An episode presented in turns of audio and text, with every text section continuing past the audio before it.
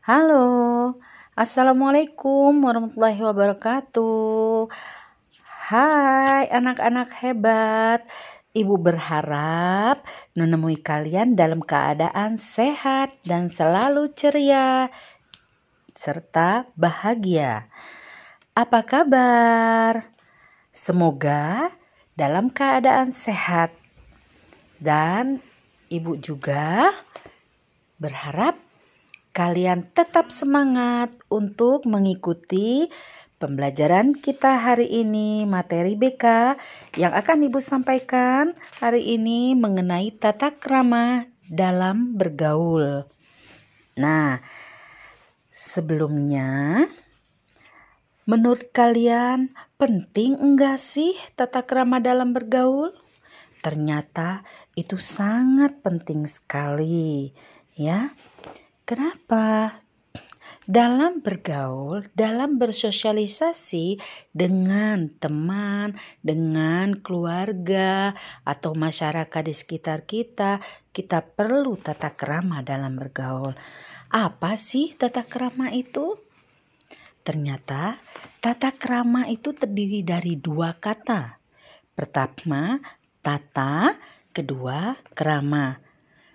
Tata itu berarti aturan, adat, norma, dan peraturan. Kerama berarti sopan santun, perilaku santun, tingkah laku yang santun, bahasa yang santun, kelakuan yang santun, dan tindakan yang santun.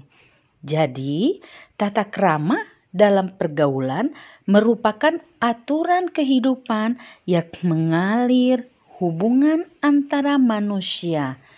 Tata krama pergaulan berkaitan loh dengan etika. Kata etika berasal dari Prancis yaitu etiquette yang berarti tata cara bergaul yang baik dan Etika berasal dari bahasa Latin etik, merupakan pedoman cara hidup yang benar dilihat dari sudut budaya, susila, dan agama. Nah, tata kerama itu merupakan kesadaran yang sensitif atau perasaan orang lain. Jadi, kita memiliki kesadaran tersebut, berarti kita memiliki tata krama yang baik. Bagaimana sih bergaul yang baik? Tadi kita sudah berbicara tentang tata krama. Sekarang bergaul. Bergaul yang baik adalah pergaulan dari hati dengan penuh ikhlas, pergaulan dengan penuh yang rekayasa dan tipu daya demi kepentingan yang bernilai rendah tidak akan pernah langgeng. Tahu kan masuknya langgeng? Tidak akan pernah lama dan cenderung akan menimbulkan masalah. Nah, jadi kita bergaul harus dengan hati yang ikhlas tanpa modus. Ya, Bergaul dengan hati akan membuat kita tentram loh dan nyaman. Kita tidak akan dihantui dengan perasaan tidak enak dan tidak ada rasa takut kehilangan teman atau sahabat. Nah, apalagi kita bergaul dengan orang yang sering menyakitin hati, baik secara lisan maupun sikap, perbuatan, niscaya kita tidak akan pernah tenang dan senang berdekatan dengan orang yang berperilaku seperti itu. Bahkan nantinya kita cenderung akan menghindari mereka. Karena apa? Karena tidak ada rasa nyaman ketika kita bersosialisasi dengan mereka, ketika kita bersosialisasi, berkomunikasi, berinteraksi.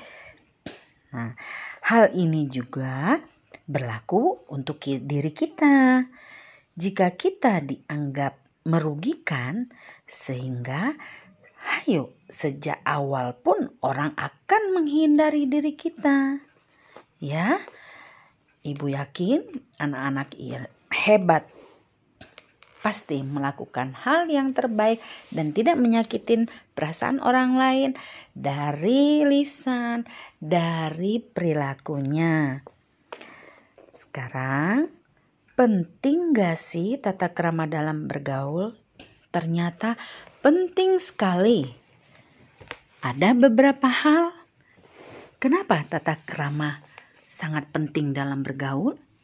Yang pertama, membuat individu mengambil keputusan dalam suatu masalah dengan bijak. Yang kedua, memberikan pengalaman atau pengenalan bagaimana menjalani hidup melalui rangkaian tindakan sehari-hari. Yang ketiga, membuat seseorang disegani, dihormati, dan disenangi orang lain. Jadi, dengan berperilaku yang sopan santun, attitude-nya baik, dan tata krama dalam bergaul, orang-orang akan senang. Dan orang juga akan segan sama kita.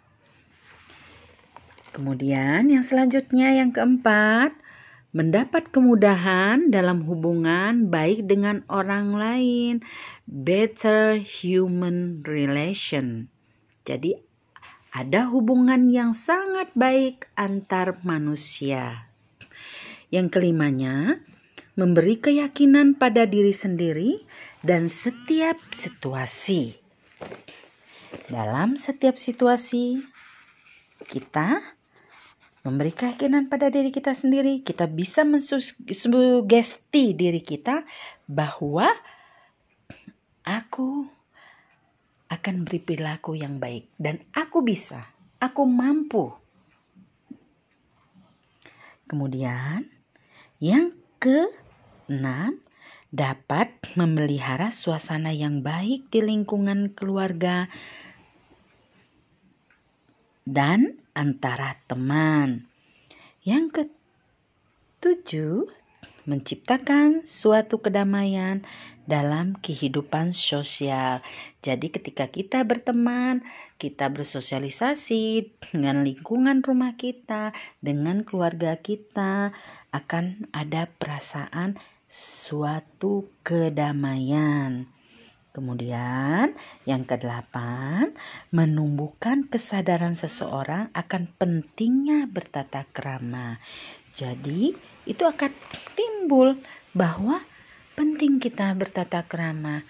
Dalam tata krama juga di sana ada saling menghormati, saling menghargai satu sama lainnya.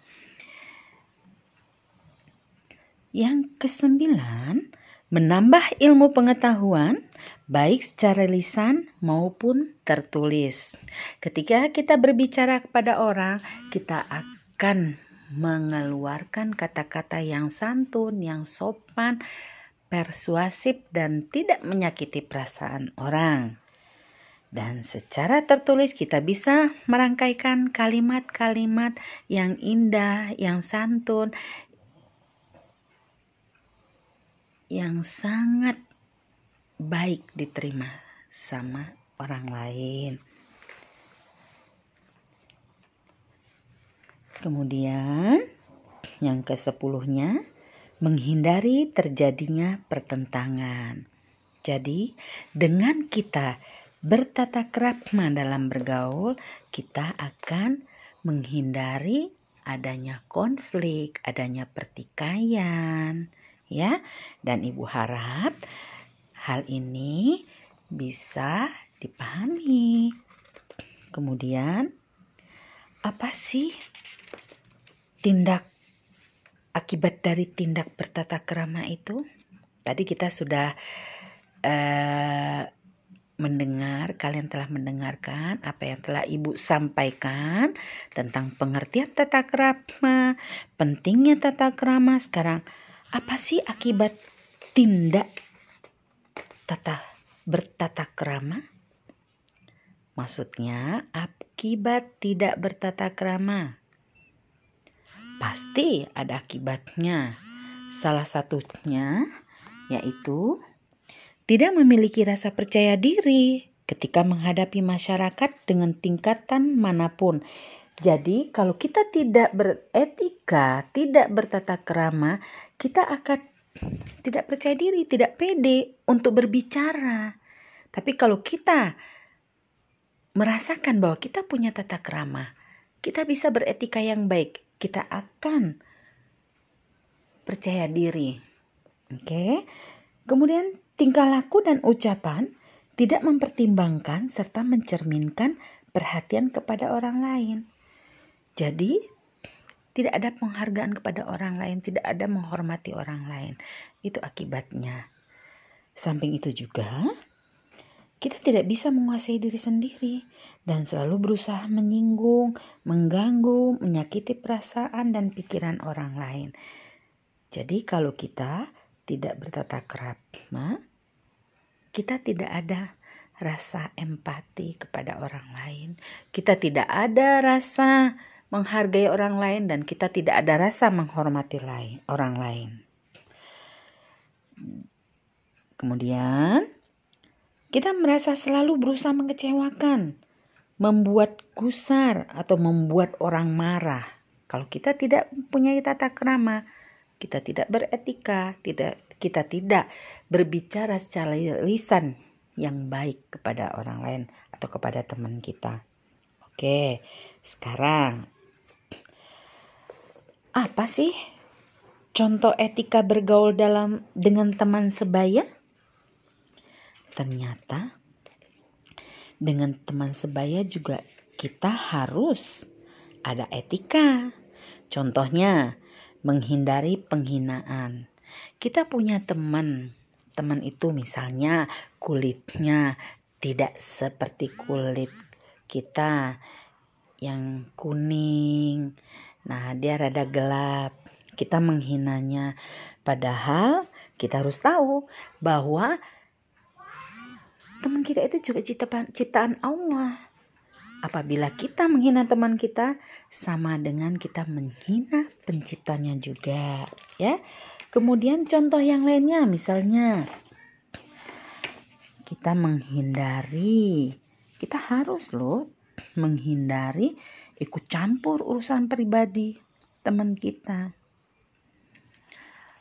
Mungkin saat itu teman kita punya masalah pribadi.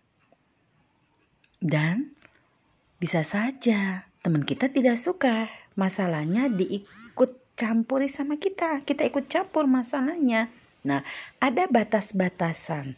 Walaupun dia teman atau sahabat yang punya masalah pribadi, tapi ada sahabat kita tidak menyukai kalau kita terlalu ikut campur masalah pribadinya. Kita harus mengetahui dan menghargai keputusan teman kita. Kemudian menghindari membanding-bandingkan. Misalnya teman kalian, kalian membanding teman kalian. Kamu kok nggak baik sih sama saya? Teman saya yang itu baik sekali. Kamu kok kurang begini, kurang begitu uh, perhatian sama saya, kurang menerima, kurang respect ketika saya bicara. Nah, itu tidak bukan hal yang baik. Kenapa? Bagaimanapun, siapa pun orangnya tidak ingin dibandingkan. Terimalah teman kita, sahabat kita tuh apa adanya dengan beberapa karakter yang dimiliki. Kan tadi sudah dijelaskan bahwa kita harus ikhlas jadi tidak modus ya. Terus menghindarilah menghindari mengungkit apa yang pernah teman kita atau sahabat kita lakukan pada kita. Misalnya, sahabat kita pernah mengatakan suatu kata-kata atau kalimat yang tidak mengenakan hati kita atau membuat kita merasa sakit hati. Nah, Kenapa kita harus memaafin orang? Manusia tempat salah. Tidak semua manusia itu tidak sempurna tempat salah. Jadi kita harus memaafin teman kita, ya. Nah, Ibu rasa hanya itu saja untuk materi tata krama dalam bergaul. Semoga materi ini bermanfaat untuk kalian. Dan jangan lupa juga bahwa Ibu ingin kalian membuat satu kesimpulan dari apa yang Ibu jelaskan tadi ya. Penting tidak tata krama buat buat kita dalam kehidupan sehari-hari. Kalau penting, apa yang sudah kalian lakukan? Bertata kerama dalam bergaul. Nah, hmm, jadi dari apa yang telah disampaikan tadi, kalian bisa mengambil kesimpulan, dan ibu harap kalian bisa memberikan jawabannya kepada ibu apabila ada hal-hal yang ingin dikemukakan, ingin dikonsultasikan, silakan langsung menem, menelpon ibu melalui WA atau Telegram. Bisa juga kalian langsung visi. Oke. Semoga apa yang sampai tadi bermanfaat. Jangan lupa tetap semangat dalam belajar. Sampai ketemu kembali untuk pembelajaran yang selanjutnya. Dan Ibu akhiri dengan wabillahi taufiq wa hidayah. Assalamualaikum warahmatullahi wabarakatuh.